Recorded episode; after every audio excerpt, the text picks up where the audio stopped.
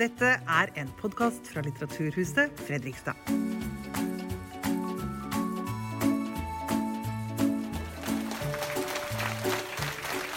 Ja, kjære alle sammen. Da er vi klare igjen. Velkommen hit til Litteraturhuset Fredrikstad. Eh, Jeg heter Roy Andersen, og jeg er daglig leder her. For bare noen dager siden så, jeg vet ikke om noen så det, så var det et oppslag jeg tror det var Nettavisen, ja, om at 99% av norske griser aldri ser dagslys. De lever inne hele livet. Til tross for at det er dyr som eh, er svært intelligente, de er problemløsere, de er nysgjerrige og kontaktsøkende, og de har behov for både plass, lek og utfoldelse, viser forskning. Norunn Haugen er kjent i dyrevernkretser eh, som en som kjemper for dyrs rettigheter. selvfølgelig. Nå er hun aktuell med boken 'Til dyrene', og den kan dere få kjøpt der ute etter arrangementet. I, femårsperiode, I en femårsperiode så jobba Norunn Haugen undercover for å dekke, avdekke brudd på dyrevelferden i kjøttindustrien. Erfaringene fra norske slakterier, gårder, ruggerier og dyretransport var den samme, og det er stadig mange og alvorlige brudd på dyrevernloven, skriver hun. Til å samtale med Norunn Haugen så har vi Hans Bonsgaard. Han er kommentator i avisa Nasjonen. Og han produserer eh, korn og, s- og skog i Selbu. Han har vokst opp med husdyr på hjemmegården. Og han har dekka jordbruk i avisen Nasjonen siden 2002. Uh, ulike ståsteder, men begge er opptatt av én ting, nemlig dyra våre. Så velk velkommen på scenen, Hans Bonsgaard og Norunn Haugen. Takk for det.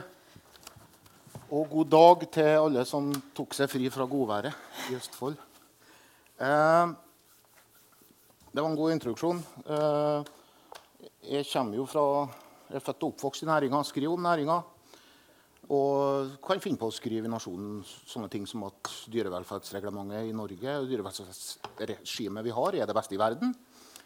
Eh, og så er du, Norunn, som, eh, som har en master i dyreetikk, og som har gjort en stor innsats og tatt betydelige personlige belastninger for å avdekke ting som overhodet ikke er best i verden. Man kan si at det er det verste i verden når man ser det. Men jeg og du vi har ikke så ulik bakgrunn og oppvekst. Eh, du skriver i boka di om ganske positive opplevelser med eh, norsk dyrehold og norske dyreholdere. Eh, og det minner meg om oppveksten min. Kan du si, kan du si litt om det? Ja, nei, Jeg var så heldig at jeg hadde en, eller har en mor og far som tok meg veldig mye med til Valdres da jeg var barn. Eh, og eh, jeg fikk være veldig mye sammen med kyr og sauer. Eh, og fikk veldig mange positive opplevelser med dem og var med dem hele sommeren når de var på beite. Eh, så jeg, jeg fikk jo se det jeg vil kalle for utstillingsvinduet av norsk landbruk. For det er jo bare 3% av eh, dyra våre i dag som er beitedyr. Så jeg visste jo ikke så mye om hvordan kyllingene og grisene levde. De var jo ikke synlige noe sted. Jeg traff så vidt eh, et par griser på Valdres Folkemuseum. Det var det forholdet jeg hadde til gris. Mm. Men det, er, det riktig å si at du er, er det riktig å si at du er oppvokst med et, et grunnleggende positivt syn på, på dyrehold? Jeg hadde en oppfatning av at norsk landbruk var det samme som de beitedyra jeg så. At det var sånn dyrene levde. Så jeg visste ikke så veldig mye om eh, den mørke siden ved landbruket, da, som jeg kaller det. Um, ja. Og så må jeg, jeg må høre litt om altså, øh, du, du, altså, du, går, du, du, du skifter personlighet og du skifter identitet. Det er ganske det, ja, Du beskriver det sjøl i boka. Det er en ganske heavy ting å gjøre. Kan du si litt om det som, som utløste den beslutninga? som, som jeg syns jeg, da når jeg leste det, ganske drastisk. Husker, du når det, husker du når det skjedde? Ja, eh, jeg har jo alltid vært veldig glad i dyr. og Jeg brydde meg om at de skal ha det bra. Når jeg har sett hunder eller andre dyr som har hatt det vondt, så har jeg ofte grepet inn. Jeg har liksom vært opptatt Jeg har hatt en fin eh, mor som også har lært meg at man alltid skal bry seg når det begås urett mot noen, være det menneske eller dyr. Eh, og jeg kom etter hvert også over undercover-metoden. Den er jo veldig godt utprøvd i andre land, så jeg kjente jo godt til den da jeg ble eldre. Eh, og så jobbet jeg jo i skolen, og jeg begynte å studere filosofi. Og jeg ble presentert for at dyrevelferden i Norge var veldig god, men så begynte jeg å tenke hvor er egentlig grisene? Når jeg lærte bort eh, til elevene som jeg hadde, da, at eh, grisene fikk være ute, f.eks. Det var illustrasjoner av griser som fikk være ute. Jeg klarte ikke helt å tro på det. Eh, så jeg, jeg, er veldig nysgjerrig av natur. Og jeg tok kontakt med en stor aktør i kjøttbransjen i Norge. Spurte om å få komme inn åpent og få se. Men jeg ble avvist. Og da ble jeg litt bekymret og tenkte hva er det de skjuler? Eh, og så kom jeg meg inn på et slakteri, så det var sånn det starta. Mm. Og det jeg fikk se der, brøt totalt med det bildet jeg hadde mm. av hvordan norsk landbruk hadde sett ut for meg. Mm. Og jeg tenkte at det hjelper ikke dyrene at bare jeg ser dette her. Jeg må faktisk eh, dokumentere det. Og så ballet det bare seg på. Jeg hadde aldri planlagt hvor lenge jeg skulle holde på med det, f.eks. Mm. Det ble ganske lenge. og eh, altså En av styrkene i boka som, som jeg personlig finner, er at du er såpass tydelig på de personlige omkostningene. Hvordan du opplever at du blir endra av det, og hvordan du er blir på en måte usikker også i ettertid. Eh, føler ubehag i store forsamlinger, er redd for andres, eh, hva andre tenker om det. Eh, eh, går det an å si om du følte noe ubehag når du hørte hvem det var som skulle ha denne samtalen med deg? I, eh, i dag. Du, du, du, du, sa til meg før vi, altså når vi møttes i dag at du leser Nasjonen, så du, visste hvem jeg var. Følte du noe ubehag da? Jeg, jeg aner ikke hva hun skal si nå. altså bare Nei, altså Jeg er jo litt Jeg har blitt vant til nå etter dokumentaren kom å være litt sånn uh, punchball innimellom. Og at jeg har blitt skrevet og sagt veldig mye rart til meg. da. Uh, og jeg har jo fått med meg noen kommentarer og litt foredrag som har blitt holdt på noen grisekonferanser der det kanskje ikke alltid er like positivt.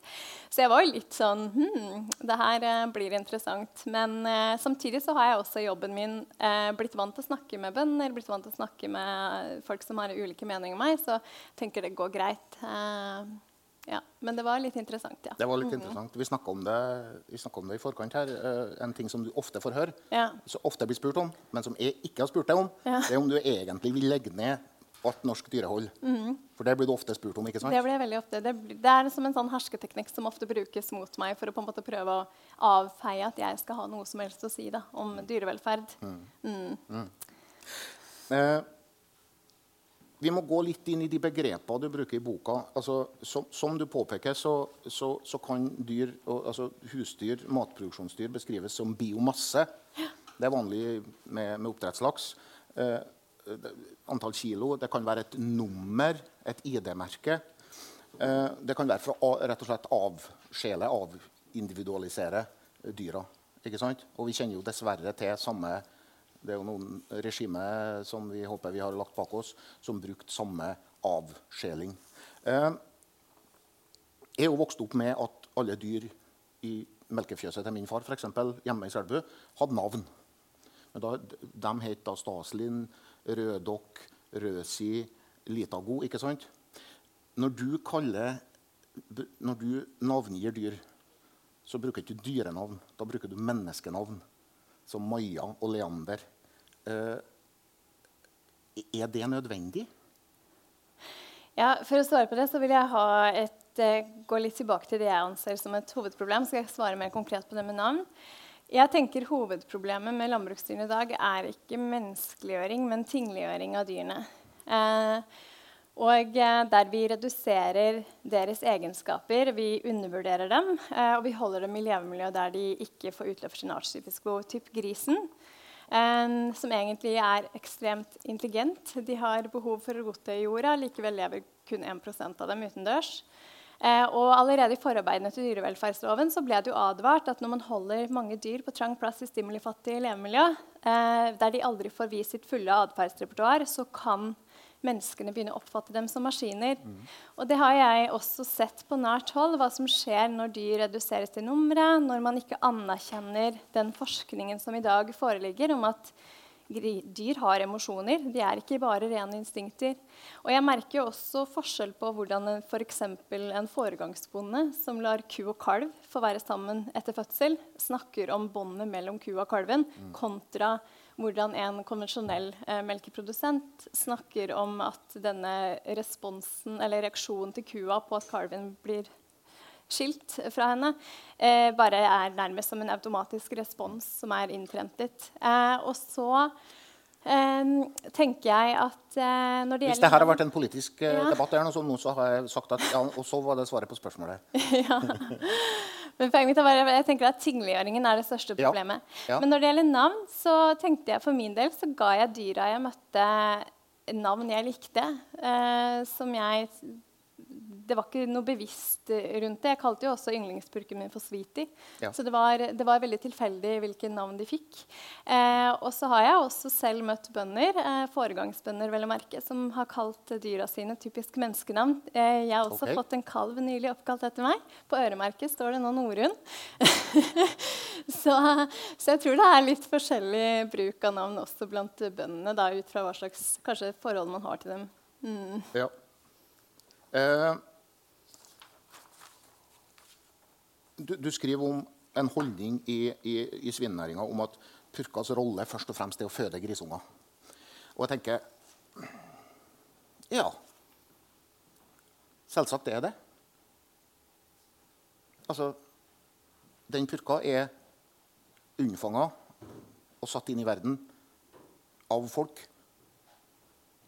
Uten folk så har ikke den purka eksistert. Og det er klart at funksjonen til den purka er å, å føde grisunger. Det, hva skulle det ellers være? er min tanke. Og så du. Ja, eh, jeg skjønner jo hva du mener. Det er et godt poeng, det du sier. Men det jeg syns er spesielt problematisk når det gjelder purkene, er at man har jo også en bestemmelse i dyrevelferdsloven om at de har egenverdi utover den nytteverdien de har. At du også skal gi dem at de også skal ha god velferd eh, i tillegg til å produsere grisunger. hvis du kan kalle det.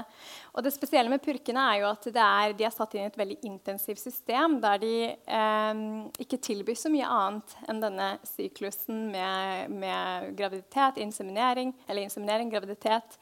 De er avlet til å føde enorm eh, kull, som flere fagmiljøer har kritisert, bl.a. nordsvin, eh, for å fortsette å, å øke. Og de, de presses veldig hardt. De får kun 56 dager med hvile mellom uh, avvenning når grisungene tas fra dem, til ny inseminering. Og så er, er det en sånn syklus som bare går på, på rundgang hele tiden. Til slutt så, i gjennomsnitt så blir de jo bare to år gamle. Det du beskriver nå, det er at, det, at eh, det er hvordan det, den eneste funksjonen de har, er å føde grisunger.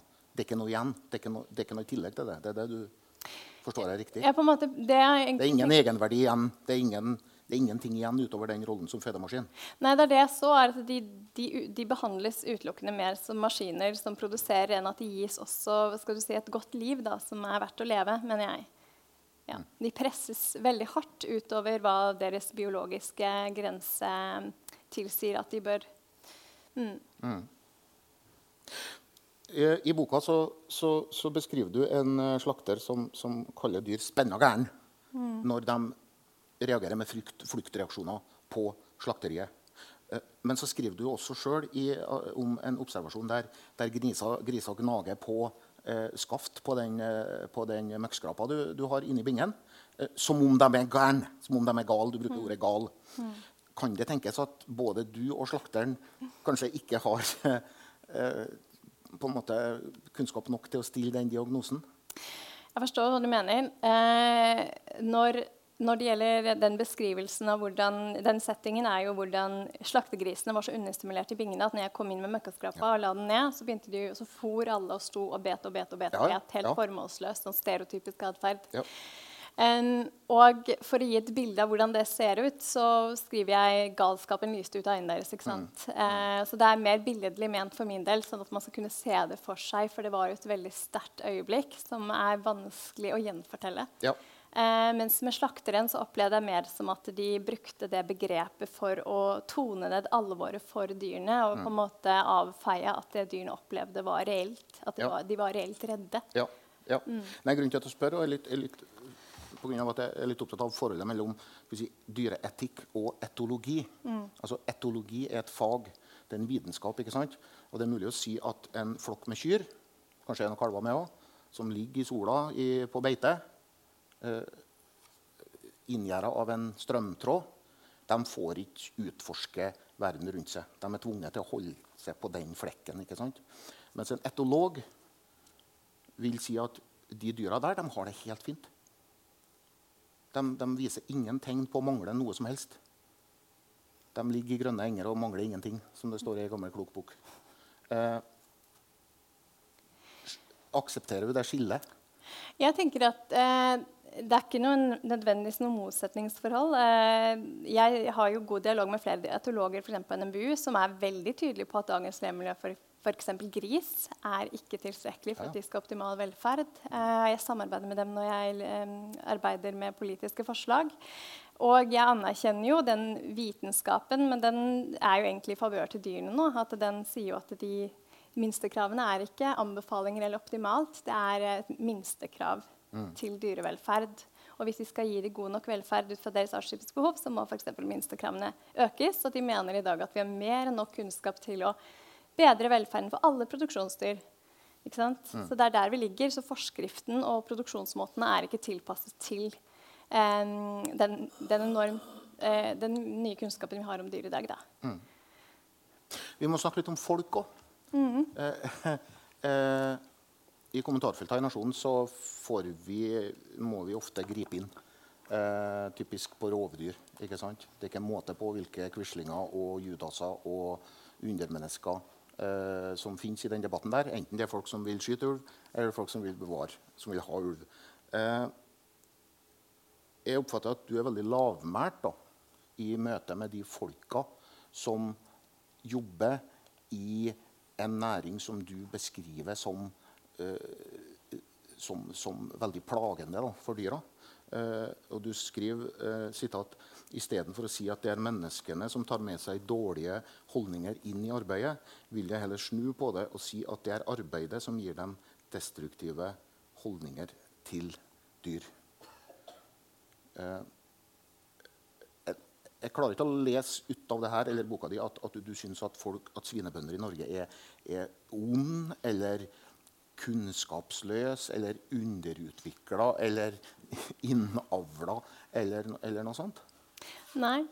Jeg, det jeg la merke til da jeg gikk inn i den industrien, var at det var jo helt vanlige mennesker sånn som deg og meg og alle oss her, eh, men som blir påvirket av det miljøet de er satt inn i og, og jobber i og de oppgavene de er, utsatt, de er eh, pålagt å utføre.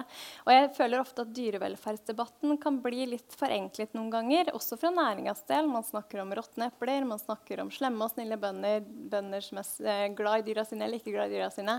Men jeg vil heller snakke om hvordan systemet påvirker menneskene som jobber i det. Og ingen av de menneskene jeg møtte, var sadistiske. De var gode, ålreite folk som hadde blitt avstumpet.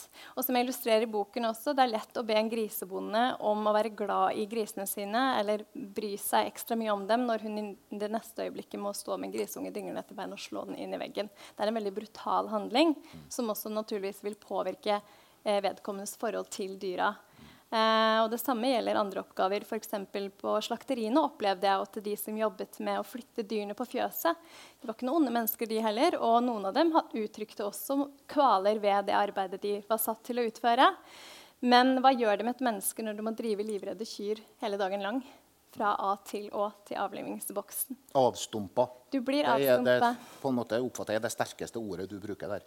Man blir avstumpet. og jeg, Det er derfor jeg tenker at vi må endre landbruket som, slik at det får fram det beste i mennesker og den beste velferden for dyr. Mm. For slik det er i dag, så må bøndene løpe raskere. De får ikke tid til å se hvert enkelt dyr. Da snakker jeg særlig om kylling- og griseproduksjonen. Um, og uh, man må utsette dyrene for handlinger jeg tror de færreste egentlig har lyst til. Ja. Og det blir en normalisering av det brutale. Og jeg fikk jo selv også merke hvordan det uh, fjernet mine emosjonelle reaksjoner. Ja, du, du, du, du, lager et ord som Jeg liker når folk lager ord. da. Uh, fjøsblindhet. Uh, og det syns jeg var bra.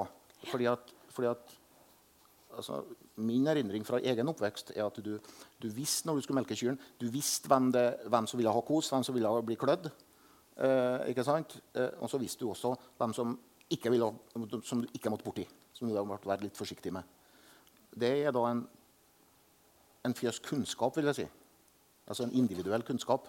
Og så trekker du opp fjøsblindhet som en slags motsetning til det, der dyr ikke blir individer, men det blir et, et rosa teppe, som du, eh, som du uh, skriver i, i, i boka. Uh, det var bare en observasjon som jeg gjorde med. Så jeg syns mm. bare du skulle få kred for det ordet. Du er klar på at det, det systemet som du er ute etter. Uh, og du kritiserer politikere og næringa også for å snakke om enkeltbønder. Samtidig så, så kom du i en situasjon der du måtte vitne i rettssystemet mot enkeltbønder. Hvordan var det?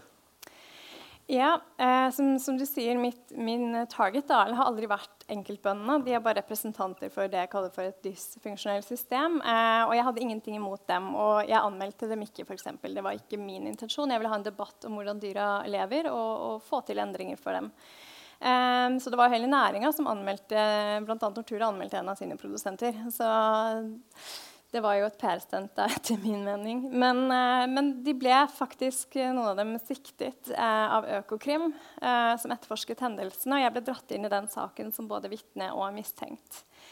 Og for meg så, um, så var det jo et veldig en ambivalens knyttet til det. fordi på den ene siden så var det jo aldri intensjonen min å få disse menneskene dømt. Men på den annen side så var det også litt slik at når, noen, når det allerede pågikk en etterforskning, så så jeg også muligheten til at eh, mishandling av landbruksdyr, som veldig sjelden handler, havner i rettssystemet, som vold, voldsbruk og ulovlig kastrering, at det var mulig å få mer rettspraksis på det området. Og det påpekte jo også Økokrim. at det var veldig vanskelig å vurdere hvilke voldshandlinger som var ulovlige eller ikke. fordi det var veldig lite rettspraksis på området. Så jeg tok etter hvert et valg om at jeg, når de først hadde havnet der, så, så ville jeg bidra til at dette forhåpentligvis kunne styrke dyrenes rettsvern.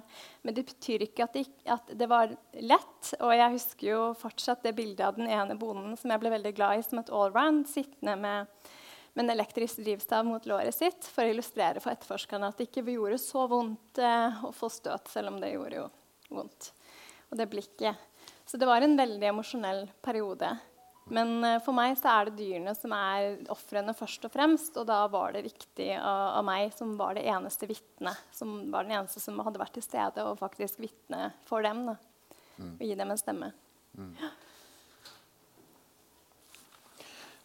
Du skriver om du skriver om den hellige næringa. Ja. Hva, hva, hva, hva, legger du i det? Det jeg legger i det, er at eh, landbrukets posisjon i samfunnet vårt er veldig sterk.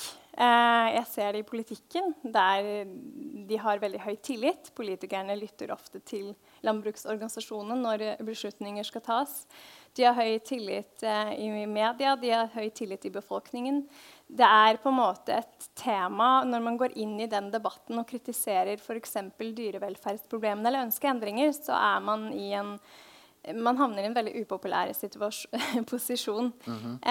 um, så jeg mener at eh, landbruket i Norge har blitt så hellig at det på en måte nesten ikke er lov til å stille et kritisk spørsmål om det engang.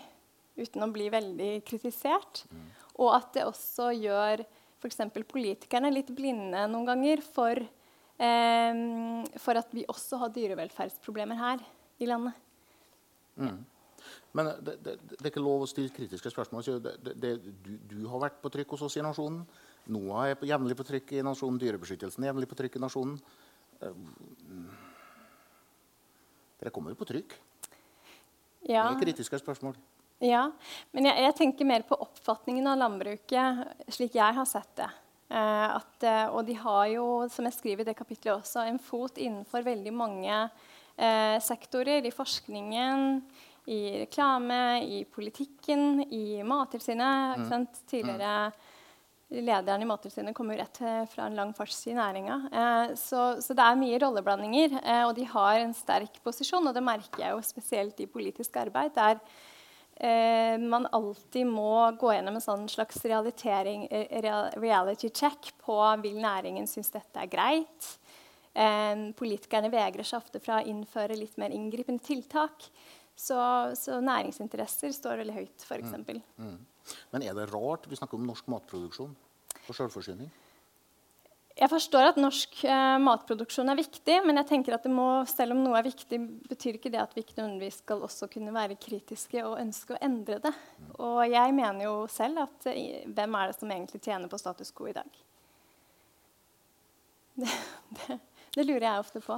Hvem som tjener på status quo? Ja, hvem, ja Det er ikke bøndene i særlig grad. Eller dyrene. Eller dyrene. Mm. Så, så jeg tenker at selv om noe er viktig, kan vi fortsatt endre på det til det bedre. Du har, I etterkant av publiseringa har du jobba en del opp mot Stortinget, mot stortingspolitikere. Eh, hvordan er, altså, du beskriver jo litt i boka, hvordan er det å komme som ja, hvis jeg kan kalle det for idealist, da, mm.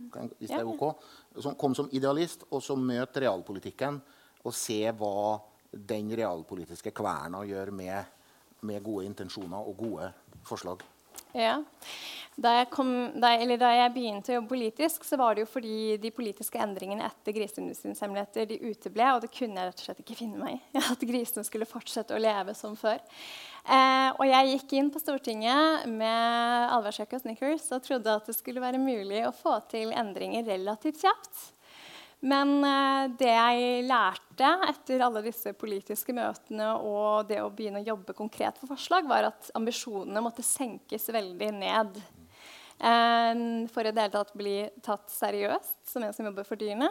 Uh, og også for å få gjennomslag. Og et eksempel er jo fra i fjor, der jeg brukte et halvt år på å sikre at forslaget til krav om mykt underlag for purker, eller gummimatter til purker, ikke skulle fjernes. For det er vedtatt nå? Nei, det er ikke vedtatt, men det ligger inne i forskriften. Men ja. det ble fjernet fra forskriftsutkastet. Måtte, og da tenker jeg man går fra undercover til å plutselig handler alt om å sikre purkene er gummimatte. Det blir, det blir litt surrealistisk noen ganger. Mm. Mm. mm. Men jeg tenker for oss som ser på politiske prosesser hele tida, mm. så kjenner vi oss igjen i akkurat det der, der du sier. Det kommer en, en, betydelig endring. ikke sant? Gjennomarbeida greie. Og så blir det spist på den og spist på den og spist på den, og skåret og kutta fra alle kanter. Og så blir det kanskje igjen en liten ting. Det er sånn politisk utvikling skjer i et si, gjennomregulert, moderne demokrati. Der alle har sine interesseorganisasjoner, alle skal bli hørt alle skal bli tatt hensyn til. Sånn er det. Eh, kan det tenkes at din måte å jobbe på, og, og den prosessen som du beskriver, hvor det ble igjen bare lite grann, at det er det som er den farbare måten å jobbe på for å få til bedringer i dyrevelferden?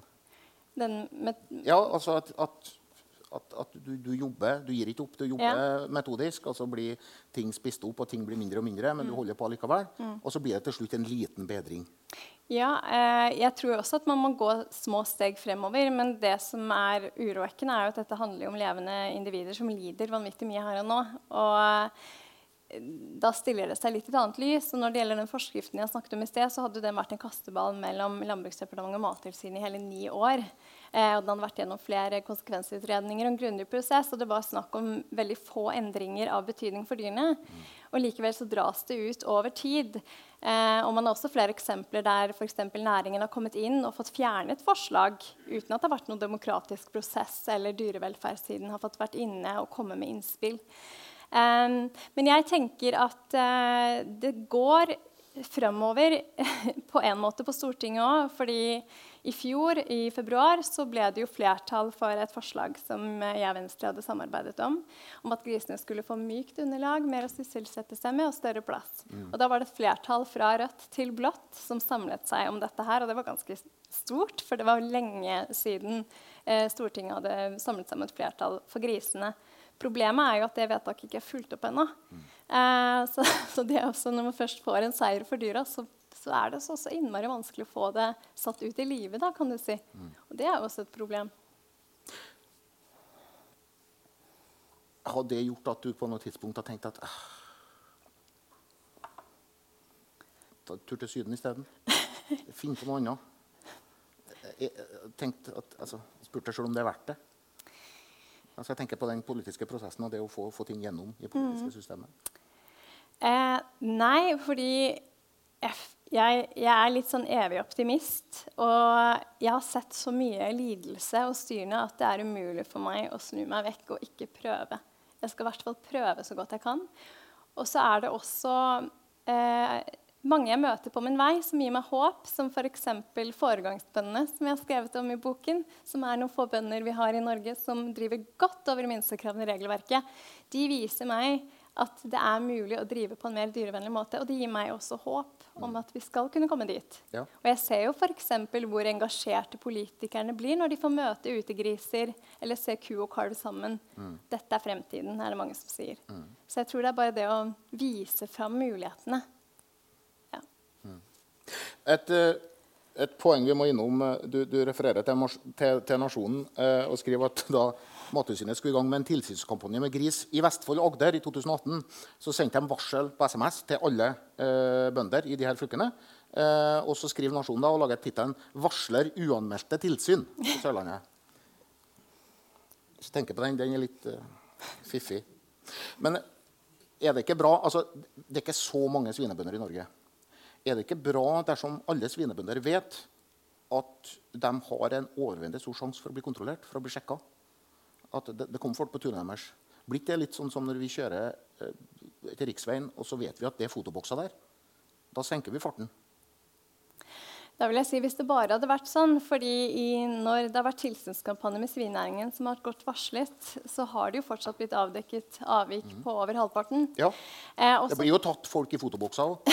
ja, her er folk vet at de om står der. stor andel eh, med avvik på minstekrav. Mm. Eh, men jeg vil tilbake til litt formålet med uvarsla tilsyn. fordi jeg tenker at Hvis formålet med f.eks. for den nasjonale tilsynskampanjen nå hadde vært å skape bevissthet om regelverket hos bøndene, Mm. det er helt fair. Men ettersom både landbruksministeren og Mattilsynet har sagt at den tilsynskampanjen skulle brukes til å si noe generelt om statusen i norsk svinenæring, som dermed også skal brukes til regelverksutvikling, da er det jo veldig viktig at det gir et reelt bilde av situasjonen. Og det mener jeg man ikke får når næringa har vært inne det er dokumentert i boken, har vært inne i planleggingen av tilsynskampanjen i to år. Alle bøndene har blitt varslet på, per brev om hva de skal kontrolleres på.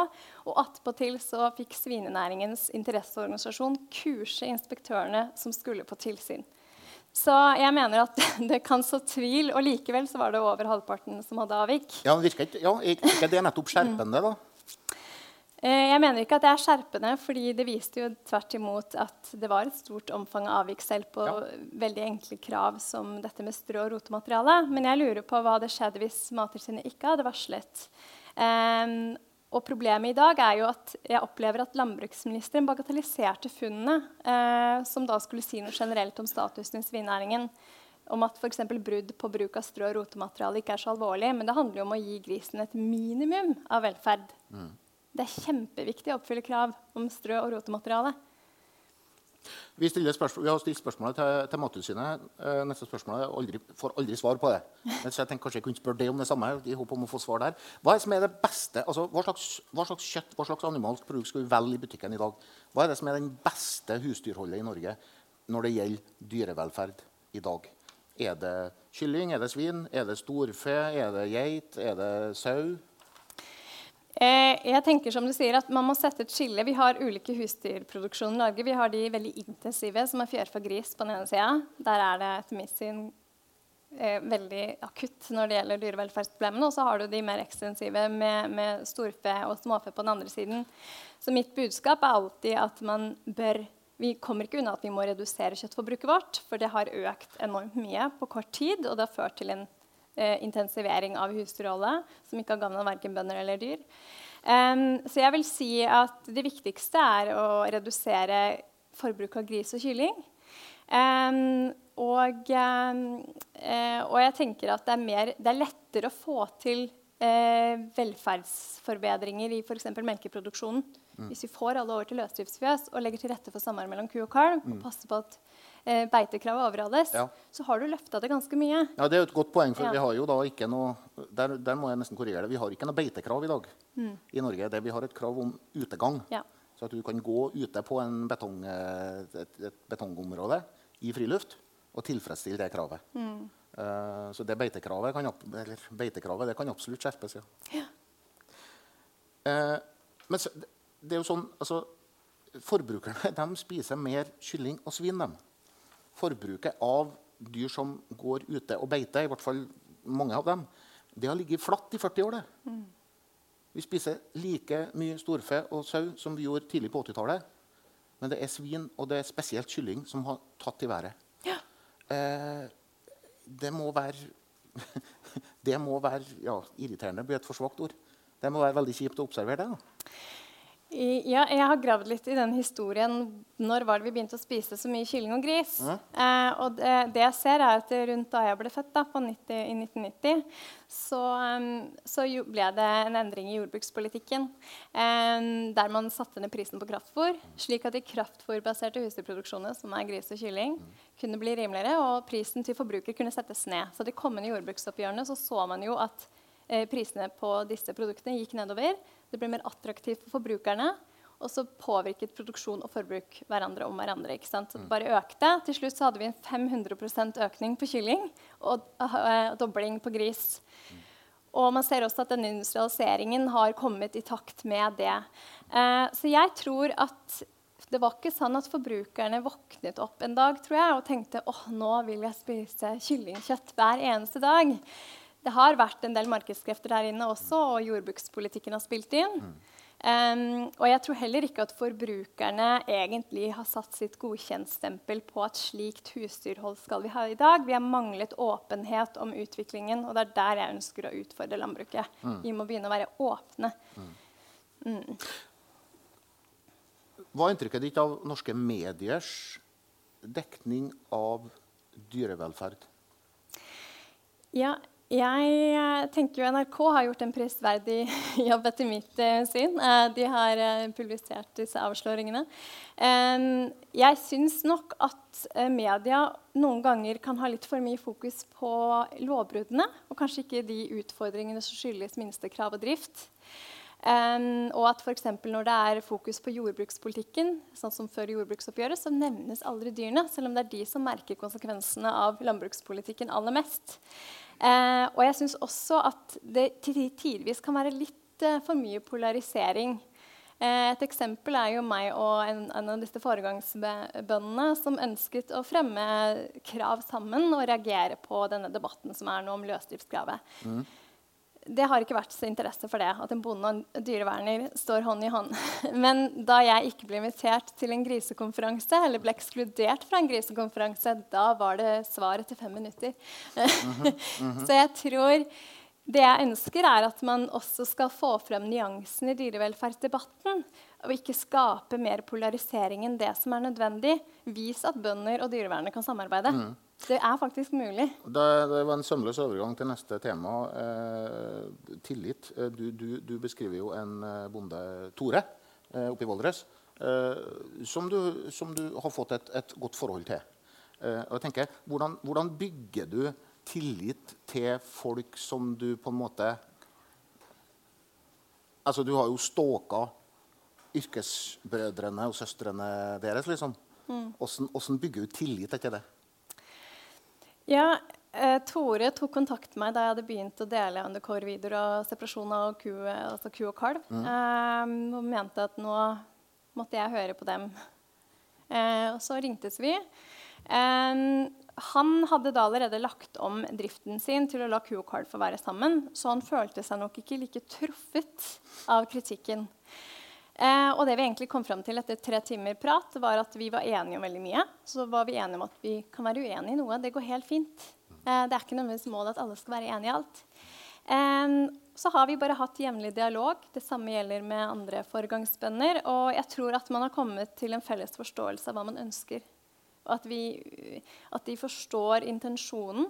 Men jeg har også stilt meg det spørsmålet noen ganger hva jeg har gjort for å fortjene tilliten deres. For jeg skjønner jo skepsisen hos bønder eh, ved å slippe meg inn i fjøset. Mm. Når jeg er kjent for å ha filmet deres yrkesbrødre og søstre med skjult kamera.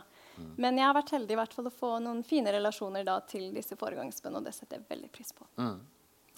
Eh, vi skal åpne litt for eventuelle spørsmål fra salen, men eh, så forbered gjerne korte, konsise spørsmål. Og som jeg bruker å si i denne typen situasjoner, hvis man har et langt innlegg, så skriv en kronikk og send den til Nasjonen. For da havner den på trykk. Så blir den hørt og sett av enda flere. Eh, I de siste tiåra har vi fått, altså vi har fått et løsskriftkrav, vi har fått et krav til utegang. Vi har krav til bedøvelse ved kastrering. Eh, vi har et, uh, fått et forbud mot pelsdyrhold. Altså, det, det, har skjedd noen ting. Hva, hva blir den neste betydelige endringa i norsk dyrevelferd, tror du? Eh, jeg tenker eh, jeg tror det vil komme Jeg håper og tror at det neste vil være at grisene får krav om utemuligheter. Utegang. Utegang. Og at vi også får eh, gjennomført dette forbudet som egentlig ble vedtatt av Stortinget i 2002 mot kirurgisk kastrering av hanngris. For det har mange land rundt oss vist at det er mulig. Og så tror jeg også at eh, dette med å ha ku og kalv sammen i melkeproduksjonen, når flere går over til løsdriftsfjøs, som er enklere å legge til rette for deg i, Ja. så tror jeg også at vi vil se muligens at det kan komme et krav der. Så ja, det er mitt svar på det. Eh, siste spørsmålet mitt. Eh, du, du, du problematiserer påstanden om at, som, som noen av oss har ytra, at, at Norge har i sum det beste regelverket for dyrevelferd eh, i, i, i verden. Du, du problematiserer og du peker på en, på en god del eksempler som, så der, der utlandet er bedre enn Norge. Men vil du si at f.eks. EU i sum nå har, be, har et bedre regime for dyrevelferd enn det vi har i Norge? Eh, jeg tenker at jeg tror EU har potensialet, og da vil de også altså Det at vi er en del av EØS-avtalen, gjør også at vi på en måte må justere regelverket vårt etter hva EU til enhver tid bestemmer eh, forholdet, eh, eh, forskriftene for hold av dyr. Eh, og EU er i gang med å revidere nå forskriftene for de ulike husdyrslagene og har ganske sterke, ambisiøse mål som jeg tror også vil kunne gagne dyrene i Norge. Eksempler? Eksempler er f.eks. utfasing av eh, burdrift. For eksempel. Um, og eh, at de vil ha en, en dyrevernmerking som skal gjøre det lettere for forbrukerne å ta dyrevennlige valg.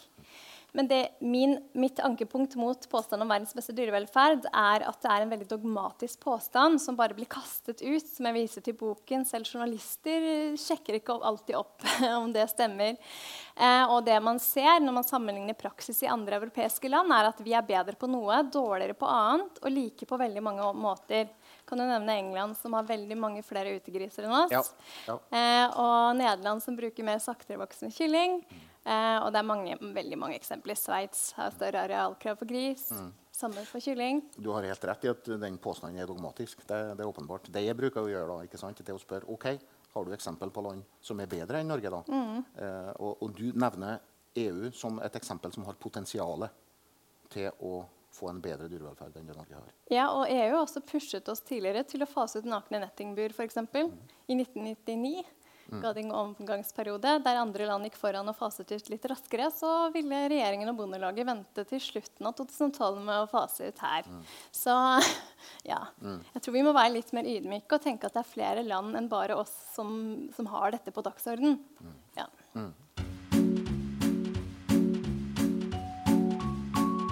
Du har hørt en podkast fra Litteraturhuset Fredrikstad.